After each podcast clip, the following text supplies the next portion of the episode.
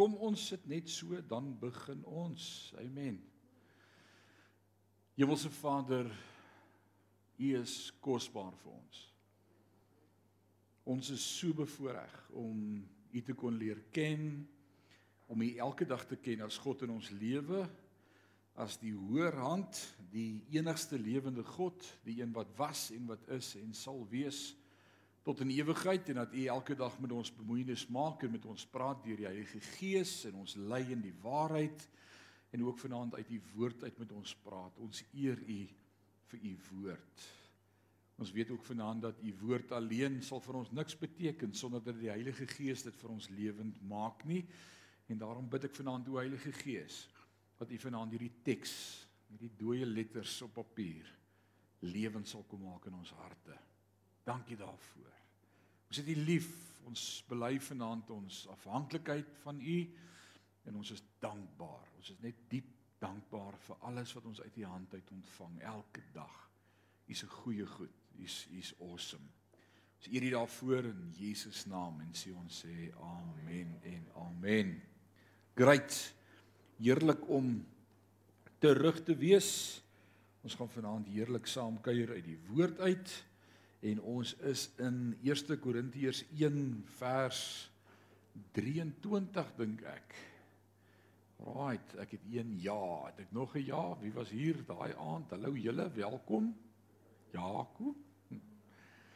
Amen. 1 Korintiërs Jy kry hom net na Romeine. Romeine is net na Handelinge, Handelinge, Romeine, Korintiërs.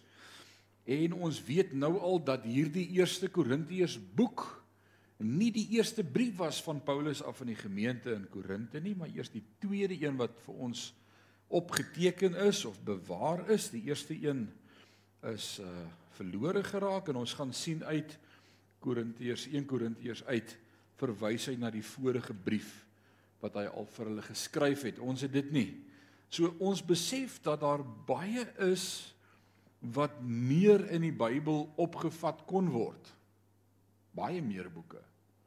As jy dink aan die boek Johannes, die Evangelie Johannes, dan skryf Johannes in die laaste hoofstuk, hy sê as alles wat Jesus op aarde gedoen het opgeteken moes word, was daar nie genoeg papier in die wêreld om alles neer te skryf. Onthou jy dit? So daar's iets rondom hierdie is net limited. En ek dink dit pas so aan by Prof Marius se preek van Sondagoggend om te sê dis great, dis God se woord. Maar moet dit nie inperk en sê dis al wat God se woord is, nê? Nee? En dis ook nie God se woord totdat die Heilige Gees dit vir jou oopmaak nie. En, en dis hoe ons as Pinkster ouens die Bybel anders lees. So as ons kyk na hierdie teks vanaand, kom ons begin by vers 23 en ons stel die gedeelte daarop. Hy praat oor ek kom met julle nie met 'n vertoon woord mooi praatjies en baie woorde nie, maar met die boodskap van die kruis. Dan sê hy vir die Jode is dit skokkend en vir die nie-Jode 'n absolute dwaasheid. Maar vir ons almal wat deur God geroep is, Jode sowel as Grieke, is die kruis, is die gekruisigde Christus die magtige kragwerking van God en die wonderlike wysheid van God. Hierdie goddelike dwaasheid is oneindig wyser as enige menslike wysheid. En hierdie goddelike swakheid is oneindig sterker as enige menslike krag vertoon. Hy praat van die kruis, van die kruisigingsproses, van dit hoe die wêreld oor die kruis dink, dit wat die Jood van die kruis dink, dit wat ons as en hy praat van ons as heidene, so die Bybel sal ook van ons praat as Grieke. Want Grieke was nie Jode, so ons val in daai kategorie van heidene of Grieke en hy sê dis 'n goddelike swakheid is 'n oneindige sterkte sterker as enige menslike krag vertoon. Hoekom sê hy dit skokkend vir die Jood? Ek dink 'n bietjie in konteks die Joodse geloof, dit wat hulle gedink het, dit wat hulle verwag het. Hulle verwag 'n redder, 'n redder op 'n wit perd wat gaan inry in Jerusalem en toe kom hy op 'n donkie. How disappointing. Hulle het 'n vors verwag wat 'n swaard sou opneem en uittrek en oorlog voer teen die Romeinse owerhede en die magte en hulle terugjaag na Italië, na Rome en die beset terugneem vir vir die Jode om te sê ons regeer weer ons eie land, ons is ons eie baas, ons is nie meer onder ander regerings nie. En vir altyd was dit die situasie in Israel gewees. Dan was dit die Mede en Perse, uh, dan was dit die Babiloniërs, dan is dit die uh Dis nou op hierdie stadium die Romeine en later as jy die geskiedenis gaan kyk dan sien jy hulle is kort kort onder ander bewind en invloed. Almal beklei vir Jerusalem. En hulle soek net hulle eie koning. Onthou jy toe eh, Naomi uh vir Jesus gevra het of haar twee seuns weerskante van die kruis, ag wie weerskante van die troon van die koninkryk van sy troon kan sit. Toe sê hy vir haar jy weet nie wat vra jy nie, né?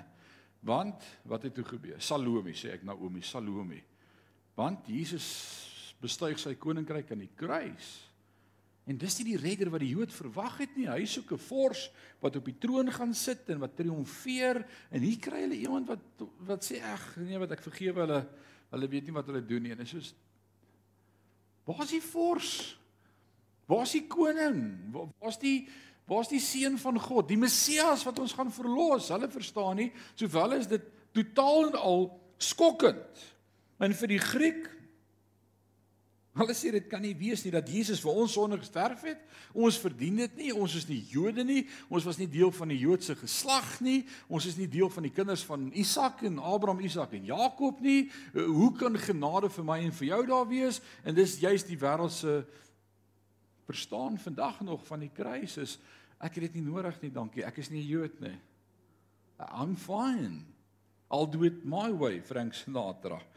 Uh dat Jesus die krag van sonde breek in elkeen se lewe, dit dit kan nie wees nie. Die, die Grieke, die heidene, die ouens daar by die sondaars, hulle verstaan dit nie. Elke mens moet steeds iets self doen, né? Dit is mos werke. Ons sal dit in ons eie krag uitwerk. Ek moet werk vir my saligheid. As ek met mense praat en sê, "Oké, okay, Ben, vertel vir my, hoekom gaan jy hemel toe?" en ek praat van ouens daar buite, dan is dit vir my interessant om al die redes te hoor hoekom mense hemel toe gaan of nie hemel toe gaan nie. Dit's baie interessant. Vra Ben, vertel vir my, hoekom gaan jy hemel toe? Dan sê hy, "Nee, maar ek gaan daarom gereeld kerk toe en ek bid en ek lees Bybel en ek kyk nice na my vrou en uh Dis nie hoekom ek hemel toe gaan nie. So vir die heiden is dit ons verstaan nie genade nie, nê? Genade, my genade. Dis net genade. En vandag nog het ons hierdie twee groepe mense, dit het nog niks verander nie. Nou sê vers 26, broers en susters, dink maar net terug hoe julle eie situasie destyds was toe God julle geroep het. Gemeet aan menslike standaarde was daar baie min intellektueles onder julle. Nie baie magtiges nie nie baie uit vooraanstaande families nie. En dit is nogal interessant hoe hy dit nou sê. Hy sê dink maar net aan julle eie opset. God God kies nie die high and mighties nie. Hy kies nie die intellektuele reuse nie. Hy kies nie die slim ouens wat in sy eie krag dinge doen nie. Hy inteendeel die woord leer vir ons nie deur krag of deur geweld, maar deur my Gees so spreek die Here. Dis dis in die eenvoud en en dis God se manier wat hy gekies het van die prediking. Dis in die eenvoud. Dis in die domste dinge nog wat ek uit die woord uit vir iemand probeer verduidelik het wat ouens net God sien en ervaar en dan dink ek na die tyd, Jesus, ek kon 'n beter antwoord gegee het. Ek was nie voorberei nie. Inteendeel leer die woord ons nie op 'n ander plek moet julle nie voor die tyd voorneem of wat julle sal sê en as julle weggesleep word na die gevangenis oor hoe julle sal antwoord nie want die Heilige Gees sal op die regte tyd die woord aan julle gee. Is dit nie amazing nie? En dis hoe die Here werk. Hoeveel keer jy al jou voorberei vir 'n situasie gedink nie ek gaan so sê en dan gaan ek so sê en ek gaan so maak en man as jy ou so maak dat ek ek het alles reg. En as jy daar gaan sit en die gesprek begin dan besef jy net nie wat ek voorberei het nie. En dan gee die Heilige Gees op daai oomblik aan jou wysheid en woorde in jou mond. Dis nie intellektuele nee, dis die eenvoud. Dis die eenvoud. Dis baie waar in dit werk vandag nog so. Nietemin vers 27 het God doelbewus dit wat vir die wêreld na dwaasheid lyk uitgekies om die slim mense skaam te maak en dit wat vir die wêreld na swakheid gelyk het, het hy uitgekies om die magtiges skaam te laat kry. Kyk net mooi wat skryf Paulus. Hy bring balans. Hy sê daar's nie slim ouens nie. Daar's nie high and mighty's nie. Almal word skaam gemaak deur die kruis en dis nogals hoe God werk. Dit gaan nie oor jou en oor my nie. God gebruik ons almal op daai punt.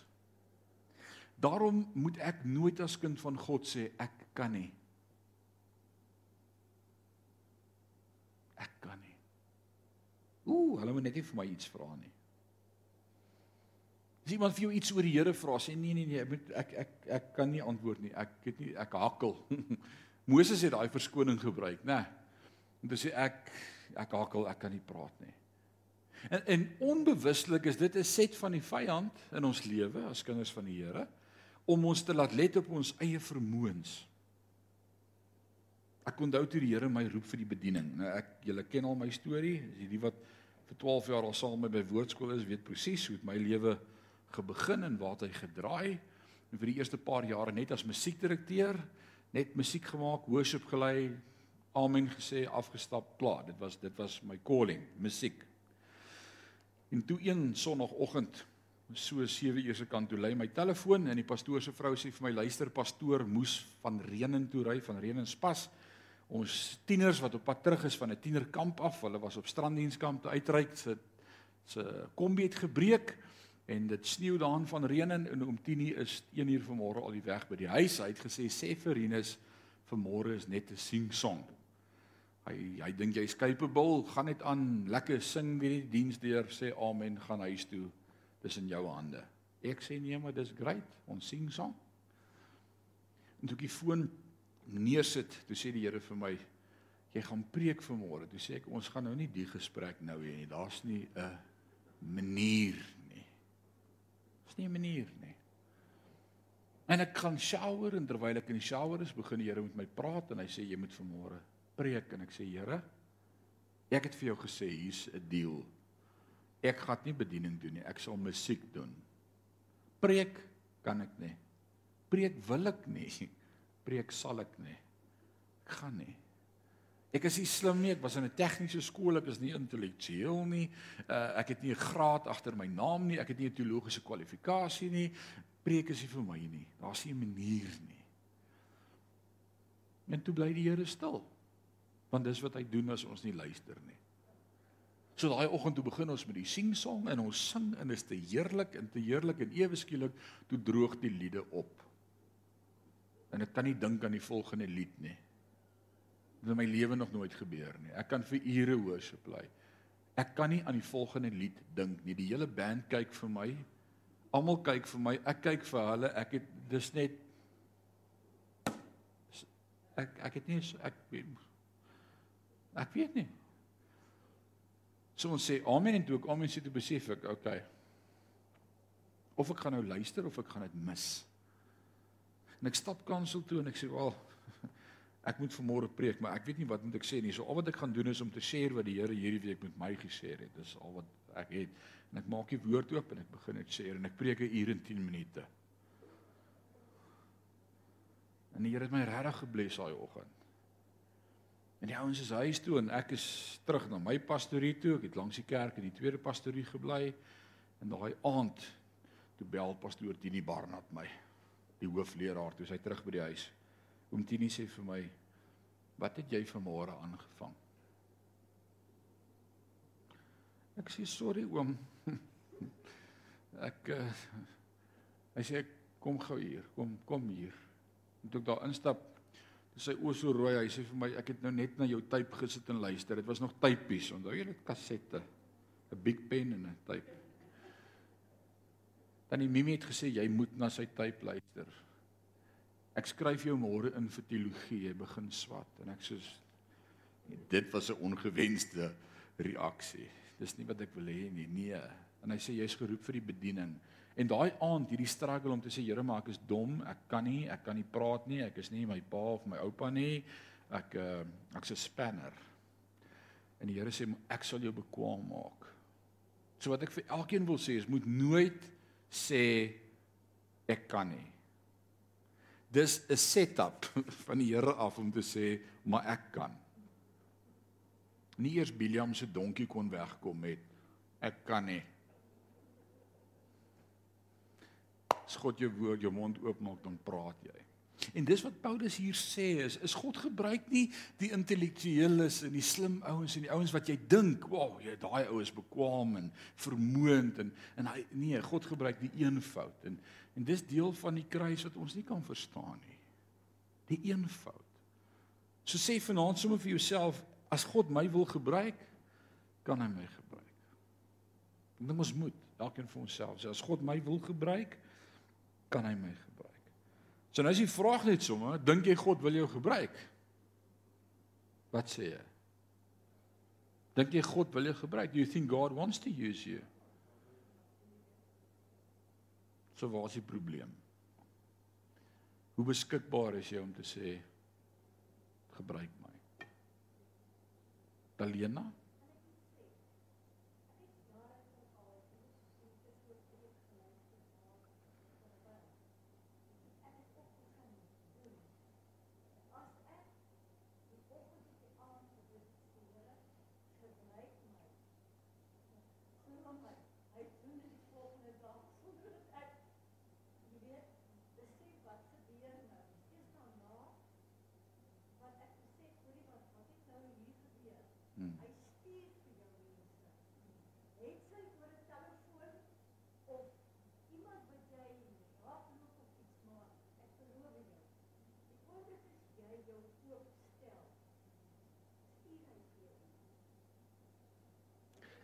Ek dink die transisie is 'n mooi woord wat in ons gedagtes moet plaasvind. Romeine 12 vers 2 wat sê kry 'n nuwe manier van dink is dat ons kerk wees moet integreer met ons wese met ons bestaan. Kerk wees, kerk toe gaan en mens wees is een ding voor God. En ongelukkig is ons in daai boksies gekondisioneer. Sondae kerk, Woensdaande is bid hier. Die res van die tyd werk ek.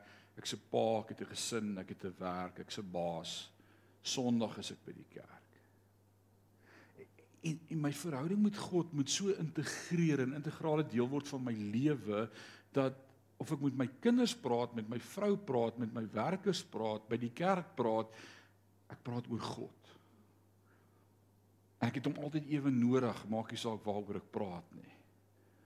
En of ek werk praat of kerk praat of God praat, ek praat uit hom want hy is my bron en ek praat uit afhanklikheid van hom en hy is die outeur van my bestaan. Ek kan niks sonder hom nie. Hy hy, hy alles is onder sy hoof verenig. By Efesiërs sê dit so mooi Efesiërs 2 as hy sê dat alles in die hemel en die aarde onder een hoof verenig is, naamlik Christus. En dis sy plan in my en jou lewe. Christus is alles. Dit is alles. So inderdaad vers 28 wat vir die wêreld onaansienlik en gering lyk, ja, wat vir die wêreld glad nie na 'n faktor is nie. Het God uitgekies om wat vir die wêreld wel belangrik is heeltemal af te skryf. So wat's vir die wêreld belangrik wat God afgeskryf het? Wat waarvan praat hy? Wat is hierdie ding? Uh, aansien? Hm. God werk nie met aansien nie. Statuur, adele stambome, rykdom, vooruitgang, kennis, titels. God sê dit maak nie saak nie. Ek gaan uit die eenvoud my gees gee en 'n nuwe ding doen. Dit is nie amazing nie. Kobus, die Here wil jou gebruik. Elkeen van ons, die Here wil jou gebruik. Hm. Dan kan jy sê okay, maar ek ek kan verstaan dat die Here my gebruik, eenvoudig, nê. Hy soek net eenvoud. Gevolglik het niemand enige grond om sy bors voor God uit te stoot Nee, kyk hoe eenvoudig is dit. God maak almal gelyk. Niemand is trots nie voor God kan niemand staan nie. Uh, niemand is sonder sonde nie. Niemand is volmaak nie. Nie een van ons kan sê ja, maar dis daarom uh nee, ons het ons het geen rede om voor God te staan nie. Nou hoekom werk God dan so? Dis God en God alleen wat die werk doen en niemand moet die eer kry vir dit wat God wil doen nie. Punt. Klaar, dis hoe dit werk. God sê ek deel my eer met niemand. Ons gaan kyk na bedieninge die oomblik as as die as die pastor of die leraar die kingpin word en hy word verhef en dit gaan oor sy Ek het 'n probleem met iemand wat sy eie naam gebruik vir 'n ministry se naam. Ek persoonlik het 'n probleem daarmee. Rinus Ministries. En wie's jy nou weer? Hoor jy wat ek sê? Want dit is so wanneer ek bietjie myself boast, is dit nie nog ietsie van daai eie ek wat uitkom en uh, nee, maak nie saak nie. Dit wat wys is by mense sê God is dwaas by God en daarom gebruik God net wie hy wil en werk soos hy wil en God sal nooit toelaat dat iemand die eer kry vir God se werk nie. Kom ons wees eerlik, ons as mense kom baie keer in die pad van die werk van die Here. Ons kom in die pad van die werk van die Here. Wat het gebeur met broer Jesaja? Die profeet in die Bybel Hy het 'n ondervinding met God gehad en sy lewe het verander. Maar kyk mooi na sy boek in die eerste 5 hoofstukke van die boek. Eerste 5 hoofstukke waarskyn veroordeel hy almal om hom en hy sê weet die en weet daai en weet jou en weet Israel en hy's net weet weet weet pas op net almal. Vrees vir God. En dan het hy 'n ontmoeting met God en dan in vers 6 in hoofstuk 6 ontmoet hy die Here en sy hele lewe verander en dan sê hy hy skryf vir die volgende gelees het in hoofstuk 6 van Jesaja. Hy sê I saw the Lord. High and lifted up and his train filled the temple and I said woe to me wie's ek Wie's ek om in God se teenwoordigheid te staan? Ek en jy het eers nodig om God te sien en hom te ontmoet, dan verander alles in ons lewe. En wanneer het alles dan verander? Jesaja 6 vers 1. Hoor wat sê Jesaja 6 vers 1. In die jaar wat koning Osia dood is, het ek die Here gesien. Nou kom ons dit net 'n bietjie prakties. Ek wil jou iets wys uit die Ou Testament. Ek onthou wat ek vir jou sê, elke Nuwe Testamentiese beginsel het 'n Ou Testamentiese storie. In Jesaja 6 vers 1 sê in die jaar van koning Osia se dood sê Jesaja het ek die Here gesien. Josia was 'n briljante koning. Koning van Israel. 'n Goeie spreker, 'n leiersfiguur. Uh hy was 'n fenominale leier gewees. En ouens het na hom gekyk vir leiding en en en en hy het gepraat namens die Here. En nou Jesaja tot op daai stadium het nog geen geen ervaring en koneksie met God gehad nie. En dan sterf die koning, God vat hierdie groot koning as te ware uit die pad uit en sodat die oë nie meer op die koning kan wees nie, maar wat moet nou gebeur? En dan wie moet ek nou kyk? En kom ek sê vanaand iets in jou lewe vir jou en jy kan vir my sê ja of nee. Jy was al in gemeentes waar God die leiersposisie wegvat en jy sê maar wat nou? Waar is ons leier nou? Omdat God jou aandag wou kry en vir jou sê moenie kyk na leiers nie, soek jy my. En ons kan by elkeen deur gaan. Elkeen was al in 'n gemeente iewers waar God leiers weggevat het om vir jou te sê, "Hey, ek wil self met jou praat." Ek wil self met jou praat. Ouens, die voorhangsel is geskeur. Ek weet nie wie weet dit nie. Wie van julle weet dit nie? Ek hoop julle weet dit. Die voorhangsel is geskeur. Daar's nie meer 'n hoë priester wat vir jou ingaan een keer 'n jaar en vir jou voorsiening doen vir God nie. Daar's nie meer 'n Urim en 'n Thummim wat om die hoë priester se nek hang met die stene wat flikker en do do do do do do do. Yes, do it. Was iemand vir wie jy kan vra vra nie. God soek 'n verhouding met jou en hy sê kom na my toe.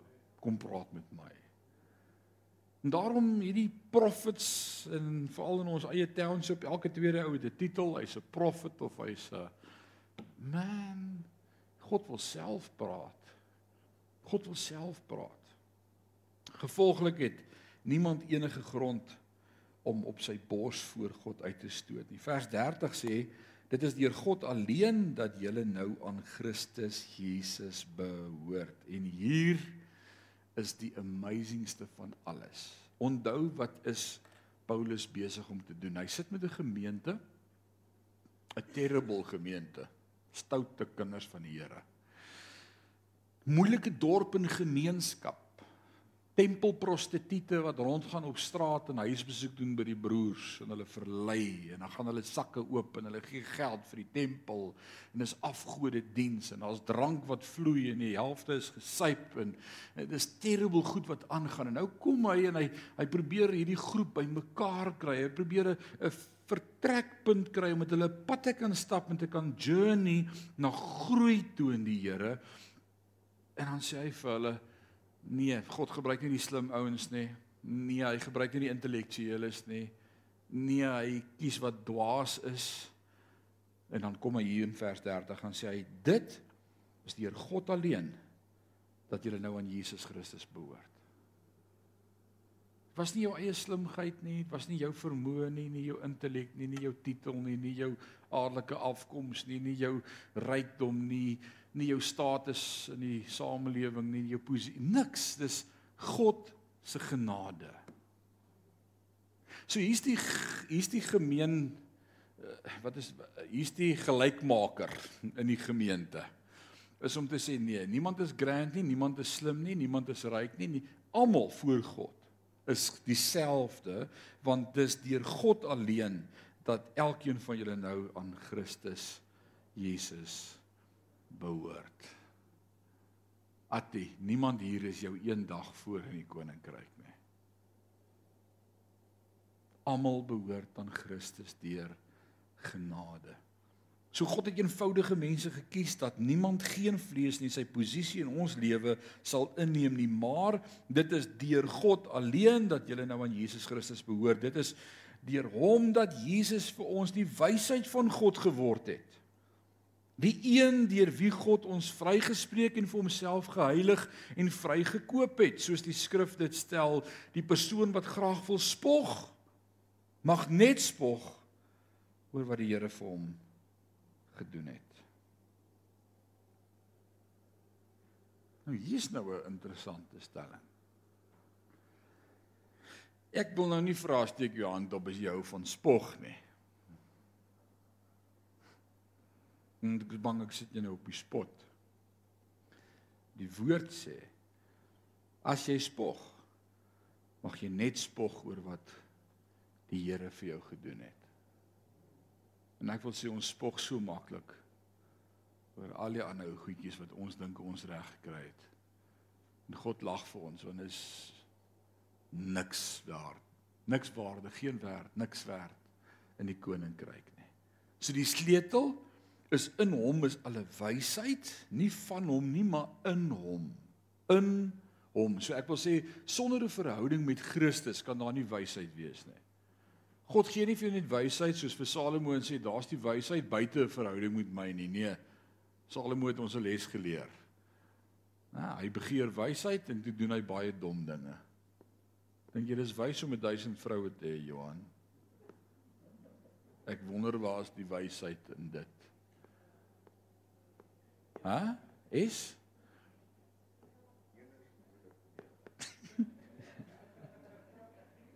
Lenie, ek het niks gehoor hier waar ek staan nie.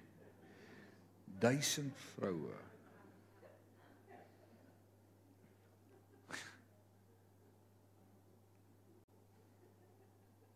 En God sê nooit weer sal ek wysheid vir iemand gee nie, maar in my sal wysheid wees in 'n verhouding met my. God gee ons wysheid. Kan iemand sê amen? In God is alle wysheid, die een deur wie God ons vrygespreek en vir homself geheilig en vrygekoop het. Dit is deur God alleen dat jy nou aan Jesus Christus behoort. En dan sê iemand nee, maar ek het Jesus gekies. Ek het 'n keuse gemaak. Efesiërs 2 vers 5, 6, 7 sê Ons word nie gered deur ons werke nie, maar deur die geloof en dan sê hy selfs daardie geloof wat jy gehad het om te glo. Uh hallo, dit was eintlik 'n geskenk van God aan jou sodat jy kon glo. Jy het nie eers uit jouself uit geglo nie. Kom ons kyk waar kom ons met hoofstuk 3. Broers en susters, ag hoofstuk 2, hoofstuk 2. Broers en susters, toe ek destyds vir die eerste keer na julle toe gekom het, sien jy, hy was al daar. En na daai besoek was daar 'n brief, so dis nie nou toe nie. Hy sê toe ek destyds na die eerste keer na julle gekom het, het ek nie 'n stortvloed woorde of indrukwekkende wysheid gebruik om aan julle God se groot geheim, nou wat is die groot geheim? Komma, naamlik die goeie nuus, komma, te verkondig nie. So wat is God se groot geheim? Die goeie nuus. En wat is die goeie nuus? Jesus Christus. Dis die goeie nuus. Jy kan vir iemand sê, weet jy, ken jy God se geheim? God het 'n geheim. Hy het 'n geheim met my gedeel. Nou, onthou wat ek jou altyd leer, if it's new, it's not true. And if it's true, it's not new because it's it's been there for 2000 years. It's not it's it's there. It, it may be a new revelation, but it's not new. It's in there. It's God's word. Right. En en die goeie nuus of die geheim, die goeie nuus is Jesus Christus gekruisig en opgestaan vir ons. Dis die kruis. Hoekom? Paulus het aan die Korinte gekom met net een boodskap, 'n gefokusde bediening. Hy sê ek kom met julle met niks anders na julle toe as die kruis en die kruis alleen nie. Onthou julle twee weke terug het ek vir julle verduidelik net nadat Paulus in Athene was. En daar in Athene stap hy in die straat af en daar's al hierdie duisende uh offerplekke uh en en hy kyk na al die afgoderry en elkeen het 'n naam en elkeen is gewy, die een aan Ra en die een aan aan en elkeen het 'n naam en dan kom hy by een plaak wat daar is wat sê to the unknown god. So hulle het tot voorsiening gemaak vir as hulle nog nie weet van die God nie. En hy gebruik daai geleentheid en uit mitologie uit en uit hulle digkuns uit en uit sy intellek uit deel hy met hulle oor hierdie God wat nie 'n naam het nie en en hoeveel bekeerlinge was daar gewees in Athene?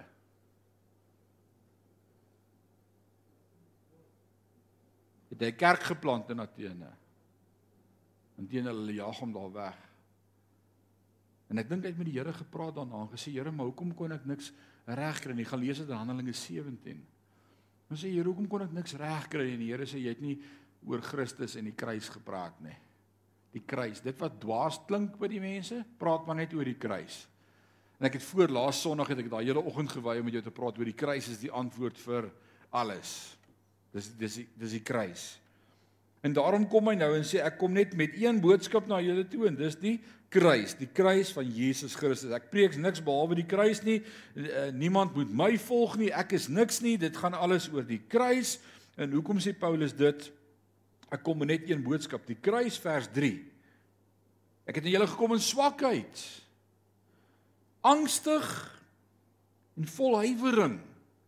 Nou, hier gee Paulus vir die eerste keer iets van sy eie belewenis van hoe hy voel.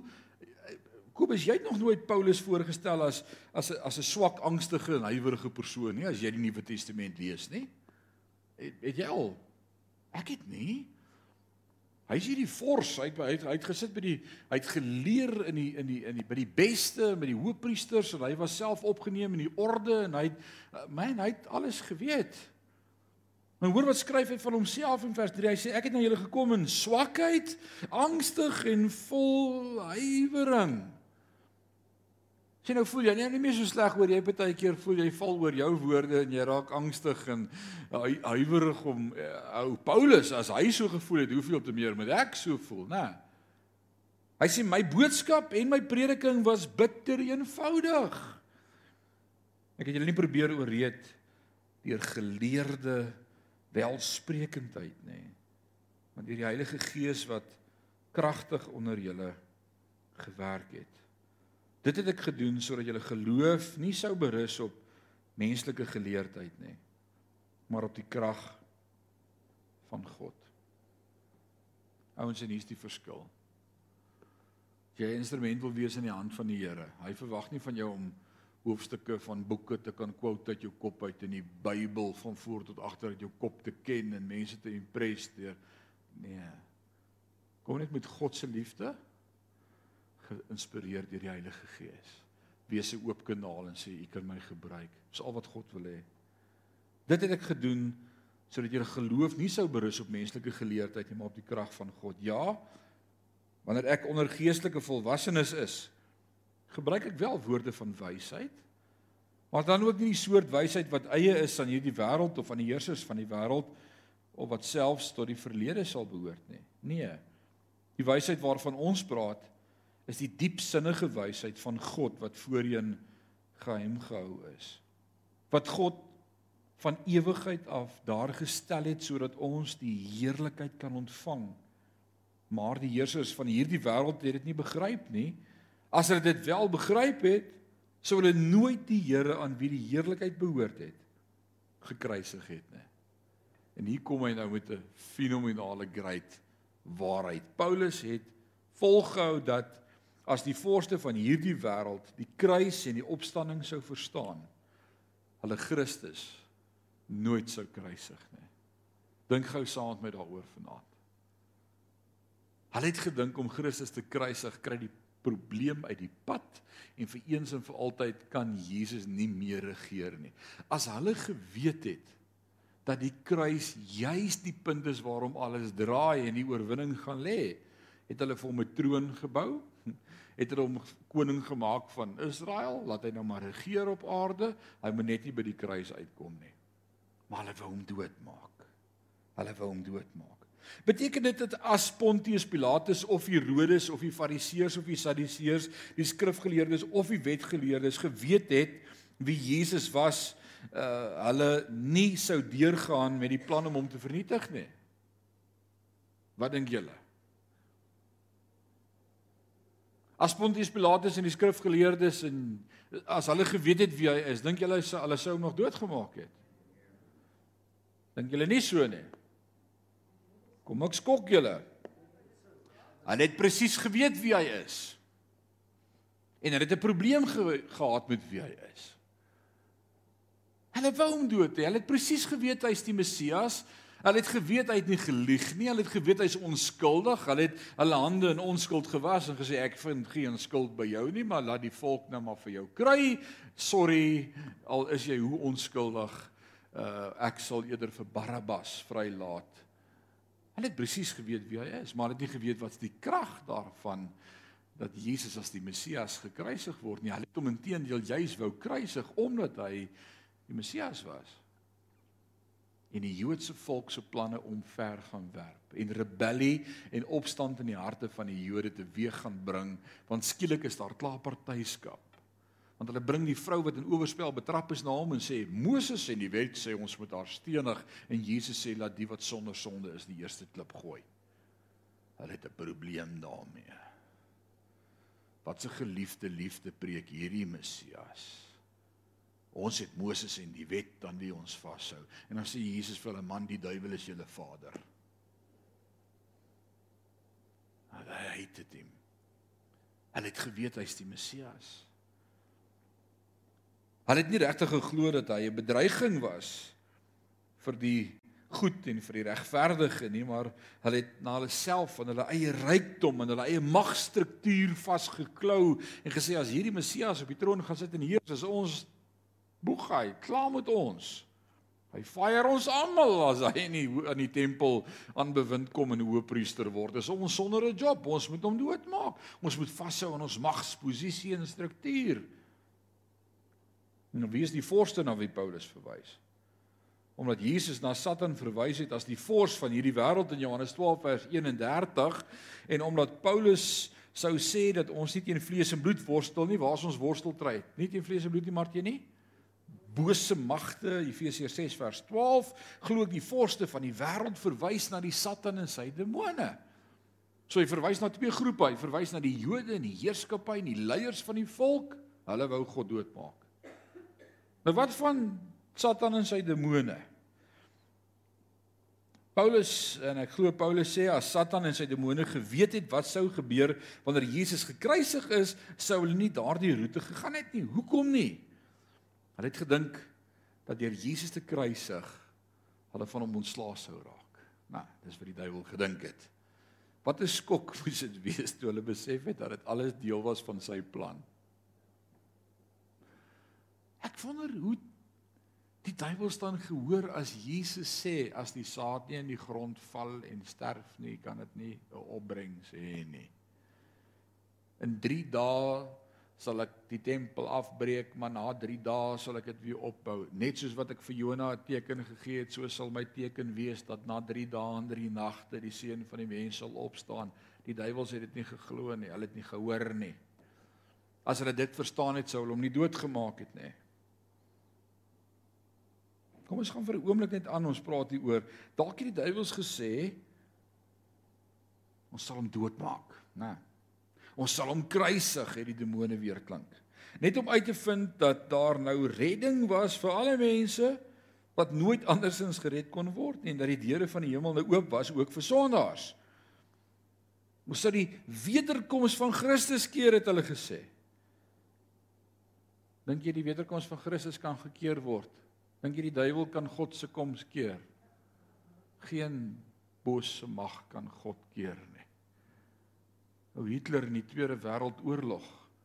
Die duiwel het in sy hart gewerk en gesê, "Maar kom ons wis net die Jode uit van hierdie aardbodem af. Hoeveel miljoene Jode is doodgemaak?" Miljoene Jode sneuwel. En wat is die uiteinde? Die wêreld het simpatie met die Jood daarna. En almal draai teen Duitsland en dis kwaad vir Duitsland oor wat gebeur het. En dan sê ons mekaar nooit weer sal so iets in die geskiedenis kan gebeur nie. Hoe kan die wêreld verby beweeg na wat gebeur het en dit vergeet? Net om 60 jaar, 70 jaar later net weer dieselfde te probeer doen. Nou is ons weer in 'n oorlog daarbo tussen Rusland en en kyk wat gebeur. En die wêreld draai weer net hulle oë weg en hou hulle blind en sê ons wil niks weet daarvan nie. Ondenkbaar. Hoe die duiwel mense se oë verblind. Maar selfs hierdie plan het teruggedraai en teen hom gedraai. On, ons sal in Amerika het hulle aborsies begin goedkeur jare terug en en die duiwel se plan was kom ons maak miljoene kinders dood. In die eerste jaar wat aborsie goedgekeur is in Amerika was daar honderde duisende babas wat daai eerste jaar geaborteer is. Selfs hierdie plan is 'n terugslag vir die duiwel. Omdat die skrif vir ons duidelik sê dat diegene wat sterf voor die ouderdom van aanspreeklikheid voordat hulle verstandelike besluit kan neem oor hulle eie lot in die hemel opgeneem word. Dit wat die duiwel nie verstaan het van keer kindertjies hy stuur hulle in hulle duisende reguit hemel toe. En he's populating heaven. Beteken dit abortus is reg? Nee, dit beteken dat dit wat die duiwel bewerk vir negatief God in 'n plus verander. Dit beteken dat God altyd die laaste sê het. En so word vermenigvuldigde duisende kinders wat statistiek nie hulle harte vir Jesus sou gee of ooit hemel toe sou gaan of gered sou word nie, reguit hemel toe gaan want hulle sterf voordat hulle sonde kon doen. En Jesus sê aan sulkes behoort die koninkryk van God. En die duiwel skud net sy kop want hy kan niks doen om God se werk te stop nie. Is dit nie amazing nie? Niks. Niks. Ou Koos profet sing wie sal my kan stil maak? Wie sal my kitaar se snaar kan breek? Daar was 'n hout kruis. Dit het al die verskil gemaak vir my en vir jou. Alraight. God is altyd in beheer. Vers 9 sê, dit is wat die skrif bedoel met die woorde wat geen oog gesien het en wat geen oor gehoor het en wat niemand se hart opgekom het nie. Dit het God voorberei vir hulle wat hom liefhet maar ons ken hierdie geheim omdat God dit deur sy gees aan ons bekend gemaak het. Behalwe dat dit 'n verwysing na die hemel is, glo Paulus sê selfs hierdie kant van die hemel as gelowiges ons dinge sien wat die wêreld nie sien nie. Dat God se gees vir ons dinge sê wat die wêreld nie kan hoor nie. Wie van julle het al beleef in julle lewe dat die Heilige Gees aan jou goed openbaar wat die ander om jou sê, "Waar kom jy hier aan?" Goddelike wysheid. Die wêreld verstaan dit nie. Ek onthou jare terug, Pieter, ek was 'n laaitie, hoërskool laaitie. Toe oom Herman Marx 1 jaar het die Here vir hom skrif gegee en gesê as jy jou oog op die wolk hou, gaan jy nooit plant nie en jy gaan nie dit nie en hy bid en hy ons het nog grondboontjies geplant daai jare. Weet jy of jy ooit by die grondboontjie boere was nie? Dit was 'n amazing storie. Ek het sulke hande sakke vol. Ek kom met my tas terug van die plaas af want ek sakke grondboontjies, die lekkerste. In daai jaar plant Herman grondboontjies. En dit reën nie. En dit reën nie. En dit reën nie. En hy sê Here, U het gesê ek moet plant. Die boere om hom vra vir jou Herman, is jy okay? Het jy geplant? Wat gaan aan? En hy sê die Here het gesê ek moet plant. In daai jaar het Herman 'n rekordoes op droë lande en niemand om hom het geplant nie. Hoe werk dit? God laat groei. God is God, hy's koning. En hy sê soms vir ons in ons hart dinge as kinders van God wat die Heilige Gees vir ons sê wat die wêreld sê dis dwaas. Waar kom jy daaraan? Hoe het jy dit geweet? God het gesê. God het gesê. Want die Gees deurvors alle dinge, ook God se diepste geheime. Niemand sal ooit die diepste gedagtes van 'n mens ken nie behalwe daardie persoon se eie gees. Net so kan niemand God se diepste ge geheim ken nie behalwe die gees van God. Wie weet wat God doen? Net die gees van God, dieselfde gees wat hy aan ons gegee het. Nou nou hier kom dit nou. Die Heilige Gees wat God se geheime ken, wat sy hart ken, sê Jesus in Johannes 14 vers 16, ek sal daai Heilige Gees vir julle gee as trooster sodat hy julle ook kan leer en lei in die volle waarheid. At nie glo jy jy het God se Gees in jou. So hy wil God se geheime ook aan ons bekend maak as sy kinders, maar ons vra hom nie daarvoor nie. Nee, wat ons het siener en ons het die en ons het dokter so wat vir ons vertel van die natuur en ons is fyn, ons weet alles. Ek het die beste weer app, Windy. Die Heilige Gees weet alles. En as ons kan leer om God te vertrou en te luister wanneer om wat te doen, wil ek vir jou sê, hy lei jou altyd. Wie van julle kan getuig vanaand dat die Heilige Gees al vir jou openbaring gegee het wat nie sin gemaak het nie? En dan as jy dit doen dan sit net oh, waar kom dit vandaan? Die Heilige Gees. Ons het die Gees ontvang wat van God uitgaan. Nie die van die wêreld nie, sodat ons kan besef watter wonderlike geskenke God aan ons gegee het. As ons hierdie dinge aan julle vertel, gebruik ons nie woorde wat hulle oorsprong het in menslike slimmigheid nie, maar wat hulle oorsprong het by die Gees. Ons gebruik woorde wat van die Gees kom om geestelike waarhede te verduidelik. Gevolglik kyk ons anders as die wêreld, né? Ons luister anders as die wêreld. En dan vers 14 en ek dink hier gaan ons klaar maak vanaand by vers 14. Nee, ons is amper klaar met die hoofstuk. Die natuurlike mens kan nie hierdie waarhede toe eien wat van die gees van God kom nie. Dit klink vir hulle onsinnig. Hulle kan dit nie verstaan nie want hierdie dinge moet vanuit 'n geestelike perspektief verstaan word. So hy sê die vleeslike mens verstaan net vleeslike goed. Hy verstaan nie geestelike goed nie. Totdat God nie sy gees wederbaar nie, verstaan hy nie geestelike goed nie. Hy doen nie. Die natuurlike mens gaan na checkers.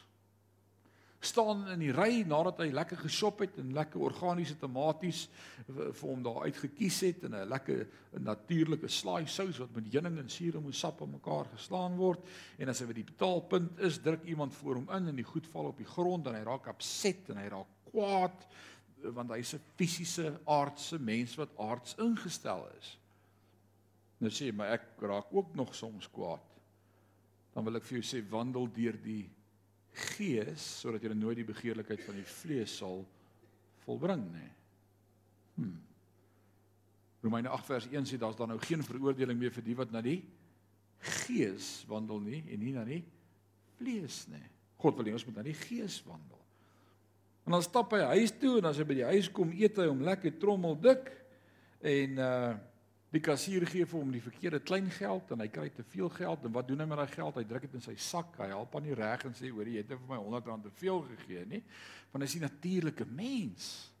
Hy sê vir sy vrou, "Ek het die lotto gewen vandag by die kassiere."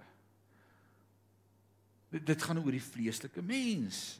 Maar hy verstaan nie dat ons Bybelstudie toe kom en die woord hoor en oor die woord praat nie en dat die woord eh, die die woord is vir hom 'n dwaasheid. Dis die natuurlike mens. Die idee is dat 'n vrye morele agent, 'n mens iets is wat wanhoopig is. 'n Mens is wanhoopig. Paulus het vir Timoteus gesê dat mense teen hulle eie wil deur die vyand gevange geneem word. Besef jy wat Paulus vir Timoteus sê as hy dit sê dat 'n mens teen sy eie wil gevange geneem word? So dink jy die natuurlike dooie mens het 'n keuse hoe dood hy wil wees? Hy's dood. Hy's in slawerny. Hy's oorgegee aan die vyand. Hy's mors dood. En daarom as ons vir mense begin bid en hier kom nou 'n geheim wat wat die Here met my gesê het hierdie week. As ons vir ouens begin bid, dan moet ons eerder bid, Here, verwyder asseblief hierdie blind doek van Satan wat maak dat hulle nie kan sien nie, sodat hulle sal verstaan, sal hoor, sal sien, sal beleef wakker sal word want hulle is dood. So hoe begin ons bid vir die redding van mense se siele? Here, verwyder die sluier. Die sluier. Die sluier. As ek sê die sluier, waaraan dink julle? Waar in die Bybel lees ons van 'n sluier?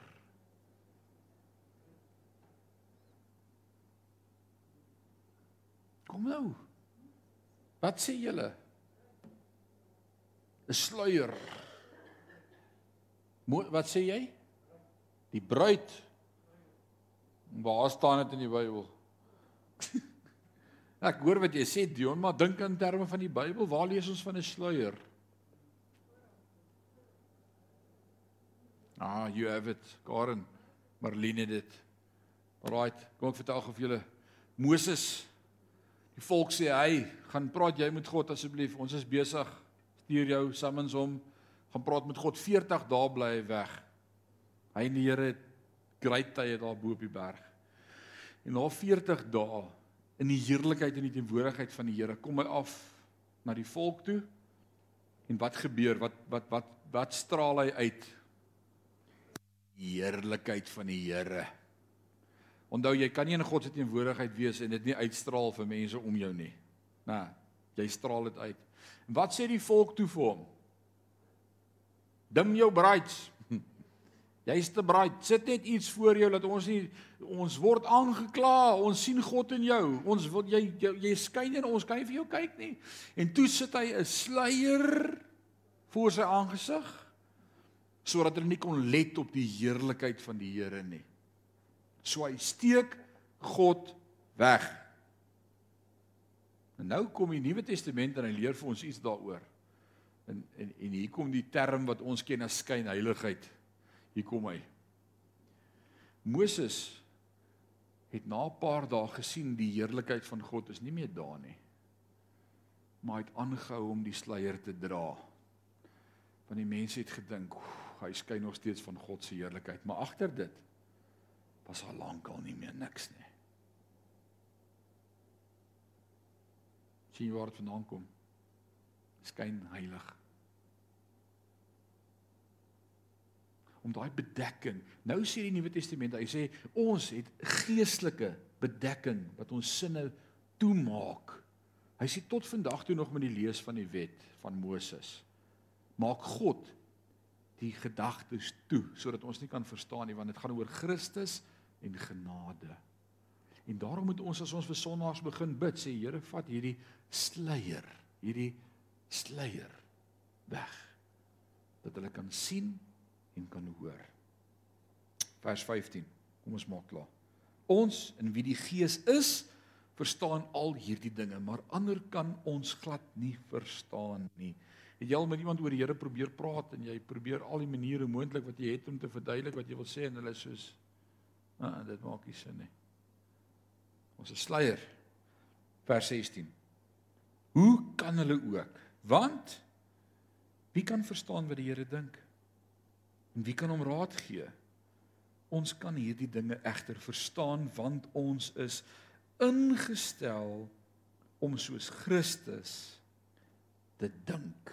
En hier kom die geheim. Dink anders. Dink soos Christus. Word gelei deur die Heilige Gees.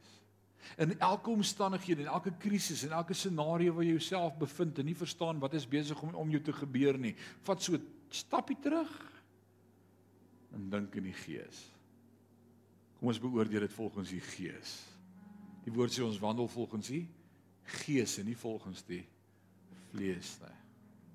Amen. Kom ons bid saam. Vader, wat 'n heerlike voorreg om uit die woord uit te leer.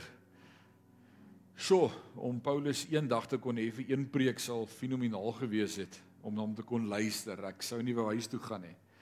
Maar dankie dat u woord vir ons opgeteken is en die Heilige Gees dit vandag nog vir ons waar maak en lewend maak in ons eie lewe.